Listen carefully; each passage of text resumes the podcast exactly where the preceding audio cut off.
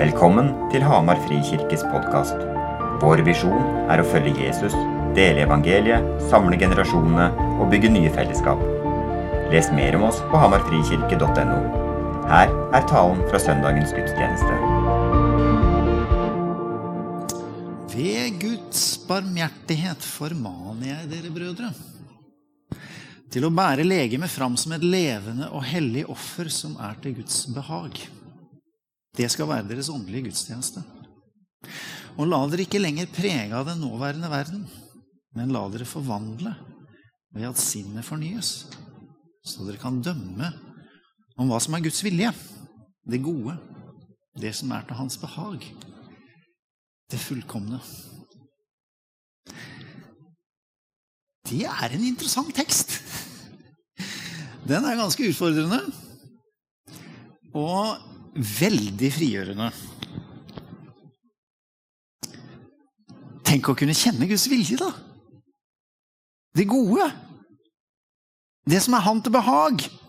Det fullkomne. Det er jo fantastisk. I um, Egypt er det en sånn 15-20 millioner kristne. Og de eh, blir forfulgt. De lever under veldig røffe forhold. Det er diskriminering på alle nivåer i samfunnet. Fullstendig manglende rettssikkerhet. De blir spotta, og det er også vold og drap. Og Åpne dører har et um, veldig stort arbeid i Egypt. Og det er litt forskjell fra byene og på landsbygda. Og hvor uh, leder i um, Åpne dører han fortalte at i Øvre Egypt, altså langs Nilen, litt sør for Kairo, der er veldig mange kristne fattige, analfabeter. Og det er én spesiell utfordring som han ville vi skulle ta med oss i vår bønn. Og det er at de er preget av islamsk kultur. Vi se her. Og hva betyr det? Det betyr at um, eh, sånn som de tenker, så har kvinner ingen verdi. Fordi de er kvinner. Eh, sånn er det jo i islam. I hvert fall i islam sånn som det blir forstås og praktiseres der. I den verden der så er kvinnene mannens eiendom. De har ingen stemme, ingen selvstendighet. De blir behandla på samme måte som mennene behandler sine husdyr. Det, det høres helt groteskt ut, men sånn er det samfunnet. Og Den kristne minoriteten der, i tillegg til alle de andre vanskelighetene de har, de har problemer med at den tankegangen preger også dem. Så en av de tingene som Åpne dører gjør i Egypt, er å undervise Bibelen. Og de har menn og kvinner for seg, eh, som man må gjøre der. Og så underviser de om at Gud elsker kvinner. Tenk det! Han ga sitt liv for dem. Og eh, Vi har et program med mange hundre medarbeidere som underviser i dette. her. Og det gir et kjemperesultat.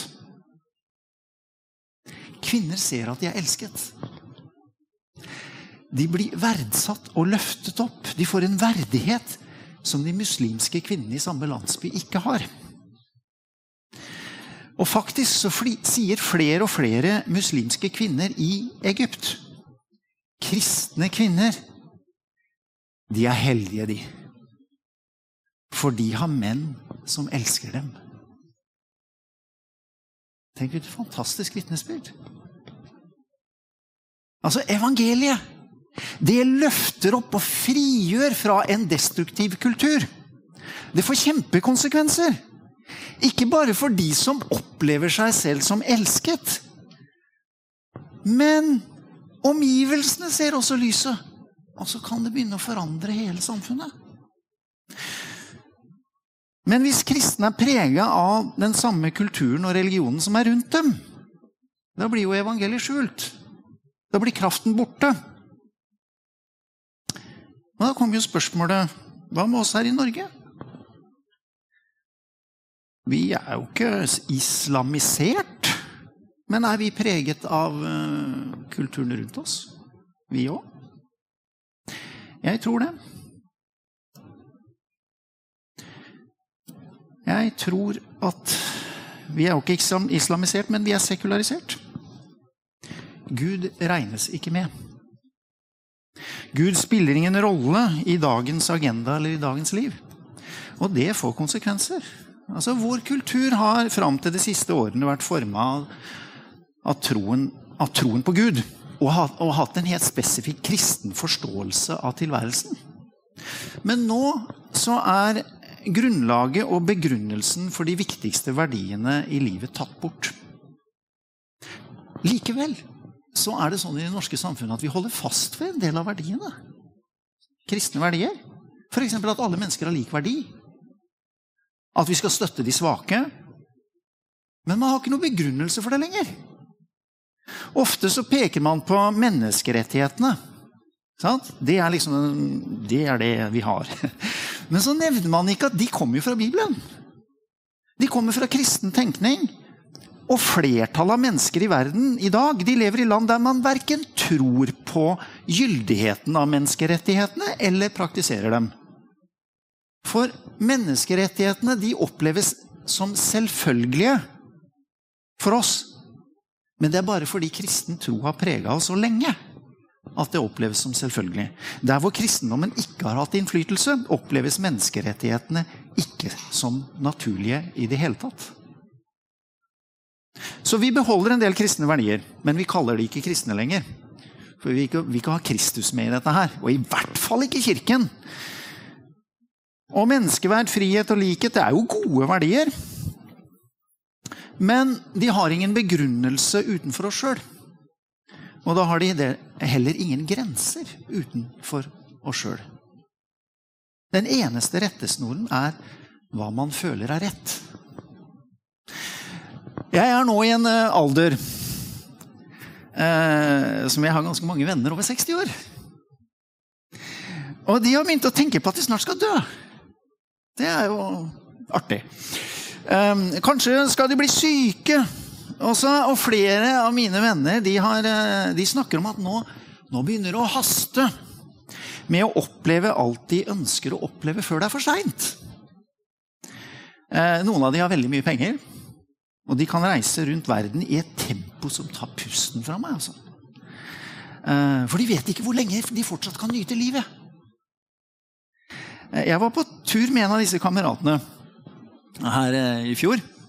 Og så fortalte han meg om alle disse stedene han måtte rekke å se før han døde.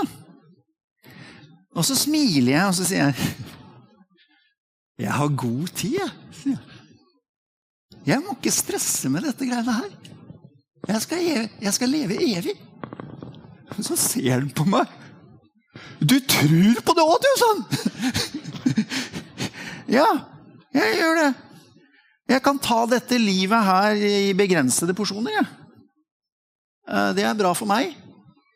Og det er bra for miljøet også, for jeg må ikke ta alle disse flyreisene som du driver med. Men for, for, altså for han, og for veldig mange andre venner jeg har, kanskje de fleste i Norge, så fins det jo ikke noe liv etter døden. De tror ikke på det. Og da gjelder det å få mest mulig ut av tiden her og nå. Sant? Når man tror livet er en tilfeldighet, du er her tilfeldigvis et tilfeldig antall år, og så dør du, og så er du borte. Da har jo livet ingen mening, egentlig. Det eneste som står igjen, er å nyte mest mulig og å unngå mest mulig smerte. Føle godt og unngå lidelse. Altså Det er rettesnoren for det, for det livet som er i den sekulære Norge. Sex. Føles det godt, så er det rett. Ikke noe annet enn det. Tjen penger, gjerne mye, for de kan brukes til å gi deg et godt liv og gode følelser. Ha litt rettferdighet, sosial samvittighet. Det føles godt. Superegoist føles ikke godt, nemlig. Ha empati og medmenneskelighet, for det gir deg en veldig god følelse. Og det gir deg dessuten veldig høy status i samfunnet. Så det at gudstroen er borte, gjør ikke at alle positive verdier er borte. Men det er begrunnelsen som blir annerledes. Og når begrunnelsen bare er inni deg sjøl, så har du heller ingen grenser annet enn det du har inni deg sjøl. Så abort eller etiske dilemmaer Følelsene bestemmer. Føles det rett, er det rett. Men føles det galt, så er det galt. For deg. Men si ikke at det gjelder andre. For det er bare jeg alene som kan definere mine følelser og mine valg. Du kan definere hvilket kjønn du føler deg mest vel med å være også. Selvsagt. Altså, alt i livet definerer du selv. Hvem ellers når Gud ikke fins? Mine følelser er min Gud. Og når følelsen er Gud, hva skjer da? Da blir det samfunnets plikt å beskytte mine følelser. Og godkjenne mine valg, så langt de ikke går ut over andre. Det blir faktisk blasfemi om noen sier eller gjør noe som gjør at mine følelser blir såret eller krenket. Det er virkelig alvorlig, altså. Krenker noens følelser. Det er blasfemisk. Hva er meningen med livet?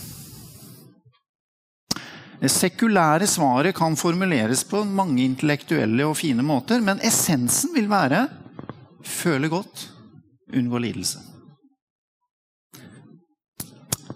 Så Vi som følger Jesus i dette samfunnet, blir vi påvirka av det? Ønsker vi å føle godt og unngå lidelse?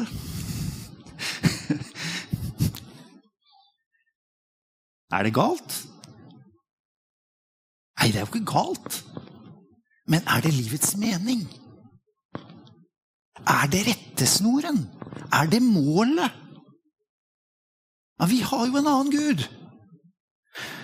Men hvis samfunnets verdier preger oss, så vil det også prege vårt forhold til vår Gud. Vi ber. Ikke sant? Vi ber til Gud. Hvordan ber vi? Hva ber vi for?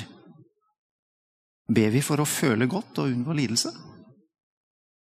Altså, Hvis noen blir syke, så ber vi om helbredelse. Opplever vi noe vondt, så ber vi Gud ta det bort. Er det noe vi har lyst på, så ber vi Gud om å få det.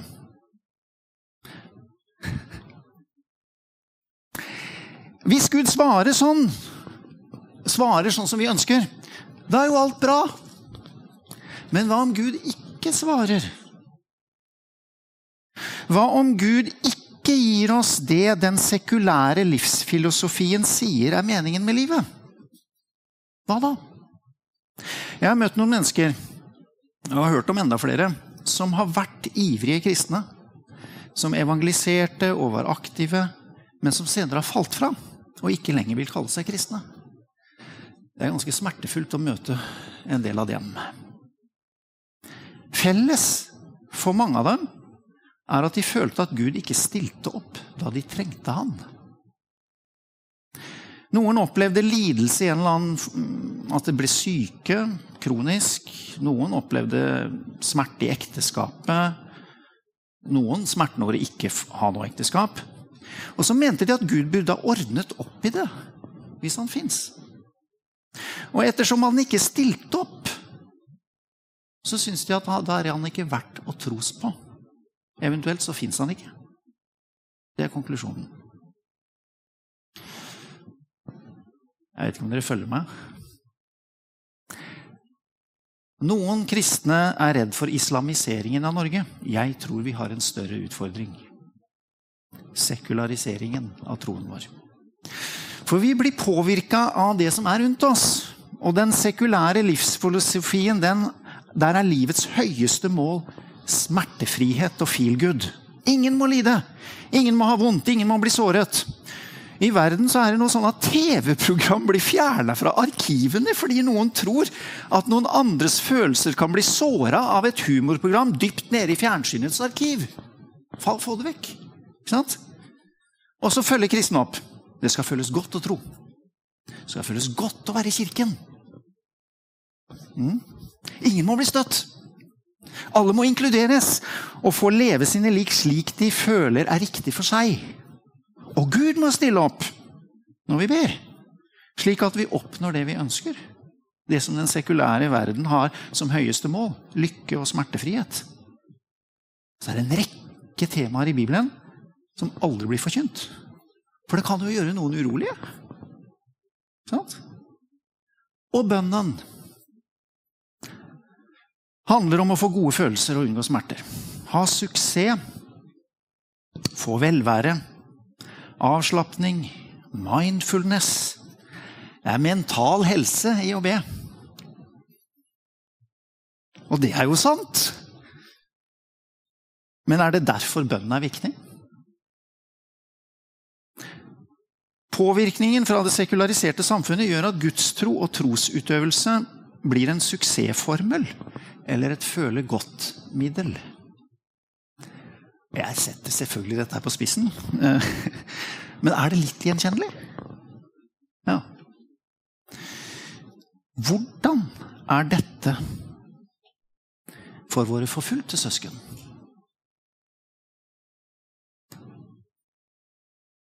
Det er deres tro som gjør at de lider.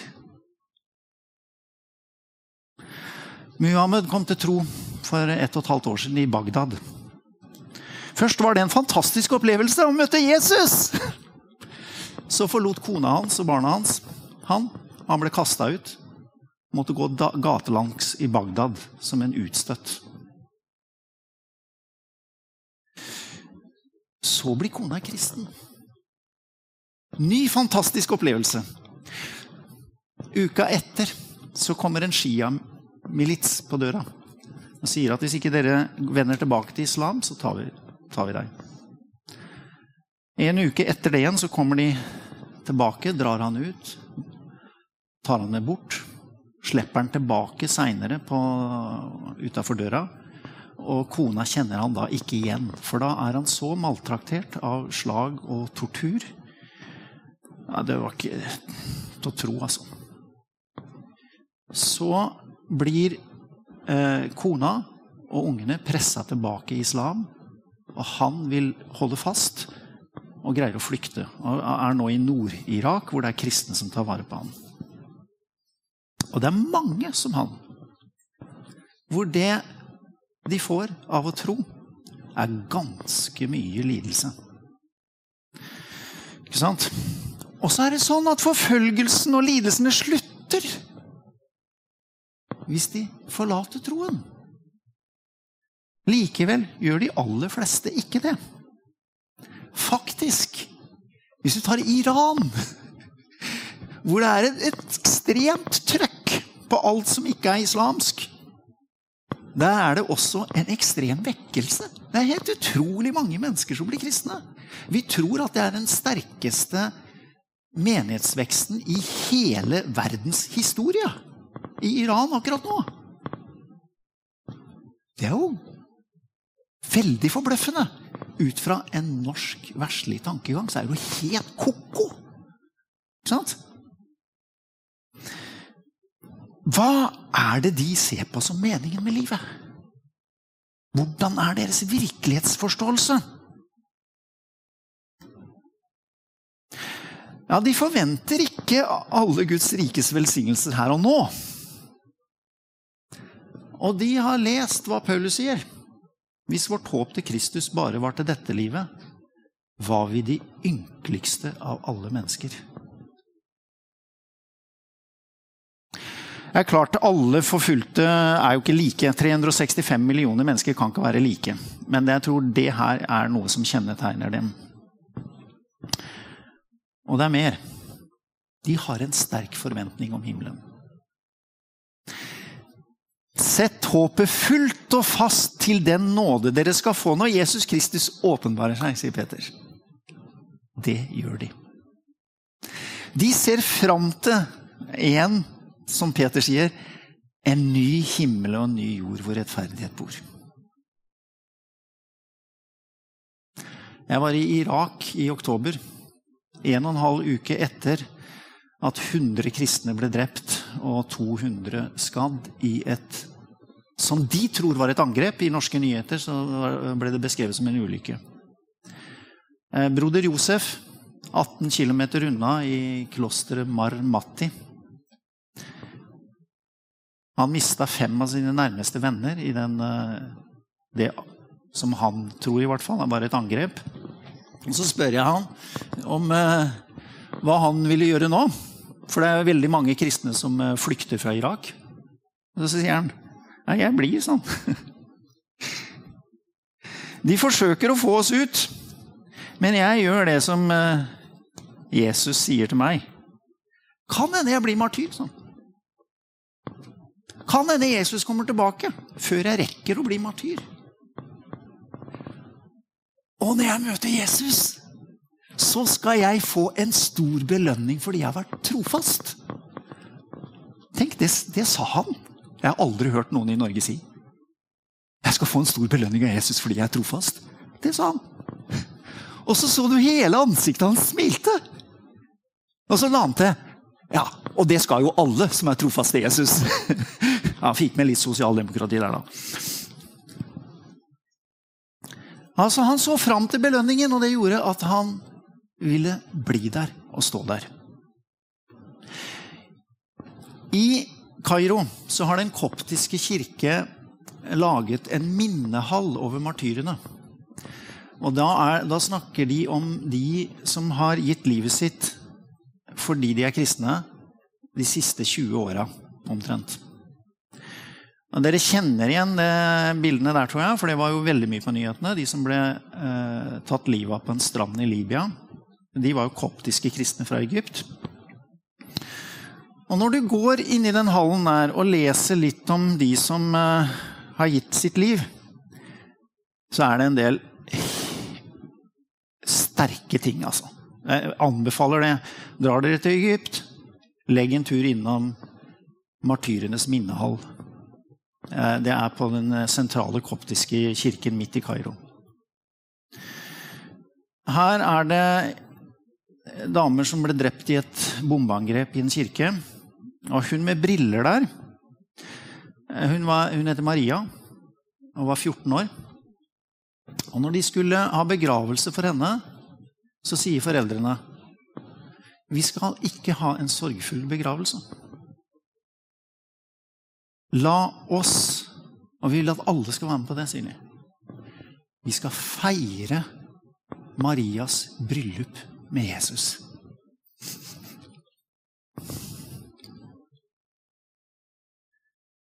Alle kledde seg i hvitt og fylte Kairos gater for å feire Marias bryllup med Jesus.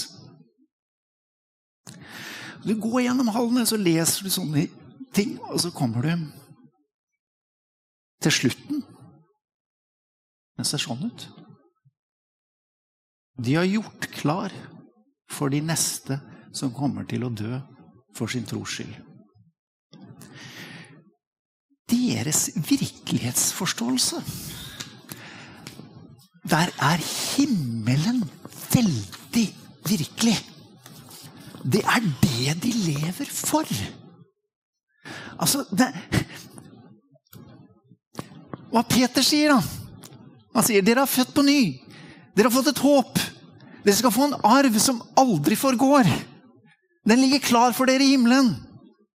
Derfor kan dere juble av glede, selv om dere nå en kort tid om så må være har det tungt i mange slags prøvelser. Han elsker dere enda dere ikke har sett ham. Han tror dere på enda dere nå ikke ser han. Og dere jubler og er fylt av en glede så herlig at den ikke kan rommes i ord. Vet du hva, Jeg har lest dette verset der mange ganger. Men jeg har ikke skjønt det før jeg møtte disse kristne i Egypt. De lever i det. Og så har de Jesus som forbilde. Tjener er ikke større enn sin herre. Har de forfulgt meg, så vil de forfølge dere. Så har de blikket festet på han som led, som holdt ut all den motstanden. Hvorfor? Fordi også han så fram til den gleden han hadde i vente.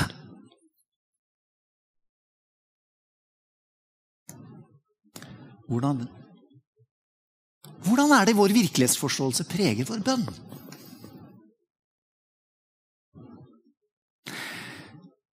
Ja, hva gjør det med de forfulgte? Igjen, 365 millioner mennesker kan ikke være helt like. Men jeg tror dette her er noen felles ting jeg har sett, i hvert fall. De ber hele tiden. De kan ikke leve uten kommunikasjon med Jesus. Er, hele tiden så er det noe å be for. Ikke sant? Det er en oppfordring til det i Skriften òg. Men jeg må si det er sterkt når, når, du møter det og ser det og opplever det. Dette er Guds vilje med dere i Kristus Jesus, at du ber hele tiden. Ja. Og de ber sammen. Jeg husker noen flyktninger som kom til vår menighet fra Syria. Kristne. Samir. Han var så sjokkert når han kom til Norge. Jeg trodde jeg kom til et kristent land. Han. Og Så gikk jeg til kirken, og det var ingen der. Og når det er gudstjeneste i Syria, da er kirkene fullstendig stappfulle. Sånn. Og sånn er det stort sett. Kirkene er stappfulle, selv om det er en stor risiko for at en eller annen gærning kommer og sprenger en bombe der. Så vil de samles. Det er viktig å komme sammen! Og Der kjenner jeg jeg blir sånn frustrert over norsk individualisme. Hva er det vi gjør når vi har fri? Liksom, opp på fjell og dra ut og være alene. Liksom. Det, er, det er da vi opplever Gud. Ok, det er greit, du gjør sikkert det også. Men det å komme sammen Det er da troen styrkes. Det er viktig for at troen styrkes. Og da kommer vi til hva de ber om. Hva er innholdet i bønnen? De ber om kraft til å bli stående og være modige og forkynne evangeliet. Jeg har litt dårlig tid her nå, men, men jeg anbefaler gå gjennom brevene. Det tar ikke så lang tid. Det er gjort en, uh, under en time. Bare jo, skumme gjennom brevene i, i, i Nytestamentet. Og så se hva er det Paulus ber om når han sier han ber. Og hva er han oppfordrer de kristne til å be om når han oppfordrer de til å be? Da vil du finne akkurat dette her. Selv når han sitter i fengsel, så ber han ikke om at de kristne må be for ham for at han skal bli satt fri. Han ber om Be for meg om at jeg må forkynne evangeliet. At Gud åpner en dør, så at jeg får forkynt evangeliet på rett måte. Og det er jo utfordrende. Jeg har jo den bakgrunnen Jeg tror jeg lurte om jeg fortalte det i fjor. det er ikke sikkert dere husker. Men jeg ble jo kristen pga. forfulgte kristne. Jeg er jo ikke oppvokst i en kristen sammenheng, men så fikk jeg to bøker om forfulgte kristne, og det snudde helt opp ned på min virkelighetsforståelse. Jeg ble helt krasj. Jeg trodde at det ikke fantes noe Gud og ingen evighet.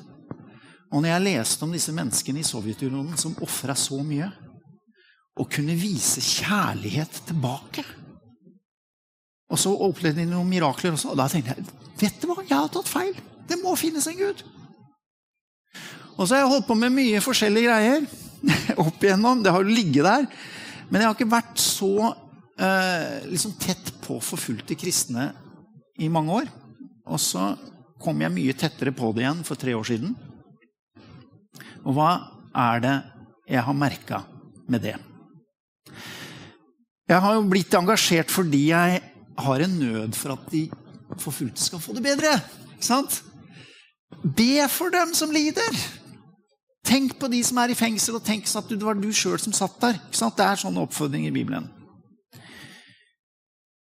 Men det jeg merker, er at jeg blir påvirka av dem. Nå. Selv om jeg har vært kristen lenge, til og med vært pastor i massevis av år. Hvordan er det jeg blir påvirka? Ja, mitt personlige vitnesbyrd. Jeg ber mindre for meg selv og mer for andre. Så ber jeg mer om å få Kristi sinnelag og være tilgivende. For jeg, jeg, har tendensen til å bli sint, og negativ til mennesker. Jeg kan bli sint når jeg snakker om sekularisering. Jeg kan bli sint ikke sant? på sekulariseringen og på, på folk som eh, promoterer ting som jeg mener er feil. De forfulgte korrigerer meg hjelper meg til å be istedenfor å bli sint. Så har det hjulpet meg også til å være mindre bekymra for økonomi og for døden. Til å være mer sjenerøs og stole på Gud uansett hva som skjer. Og det var faktisk en litt uventet opplevelse. Jeg trodde at de trengte mine bønner noe veldig, og det tror jeg jo for så vidt fortsatt. Men min opplevelse nå er at kanskje jeg trenger dem minst like mye. For jeg trenger hjelp til å bli rensa fra den sekulære påvirkningen i mitt liv, sånn at jeg ser Bibelens budskap klarere og lever i det og har et bønneliv som er mer i harmoni med det vi ser i Bibelen. Takk for oppmerksomheten. Kjære Jesus, tusen takk at du er her, og du elsker oss. Halleluja. Takk at du elsker alle mennesker. Og du kom og ga ditt liv for oss. Herre, må vi få tak på det budskapet, så det lever ordentlig i oss. At det er den evige livet vi er ment for, og det er ditt vi skal være. Det er der vi skal være.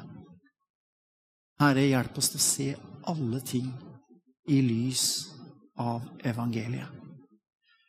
Hjelp oss så vi ber og støtter de som har det vondt